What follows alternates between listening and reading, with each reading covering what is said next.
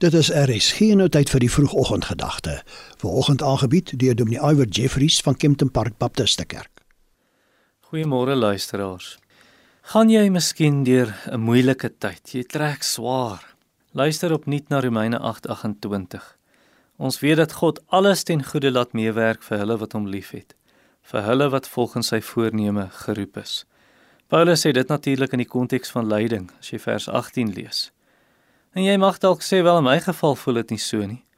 Voel nie of alles besig is om uit te werk nie. In my geval val alles uitmekaar.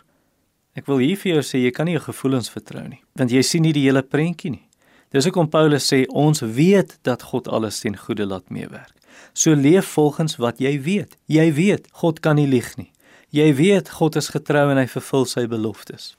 Hierdie belofte in Romeine 8 sien vir almal nie. Paulus sê baie duidelik, dis vir die wat hom liefhet, vir hulle wat volgens sy voorneme geroep is. Het God jou geroep om sy kind te wees?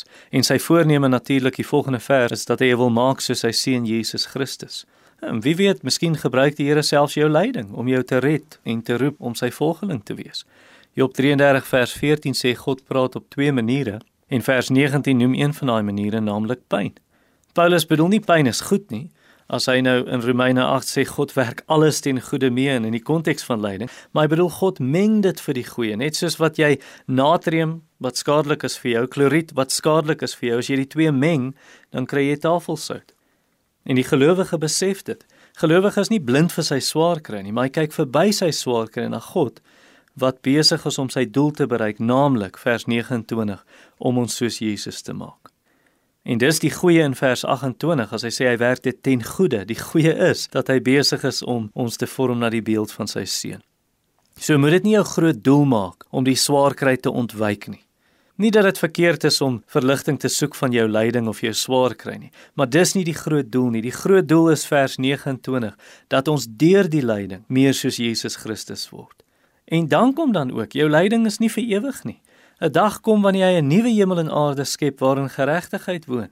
Wanneer hy vir jou 'n nuwe liggaam gee, die trane uit jou oë vee, 'n liggaam wat jy gaan ontvang wat nie meer kan swaar kry of pyn hê of siek word of hartseer wees of doodgaan nie.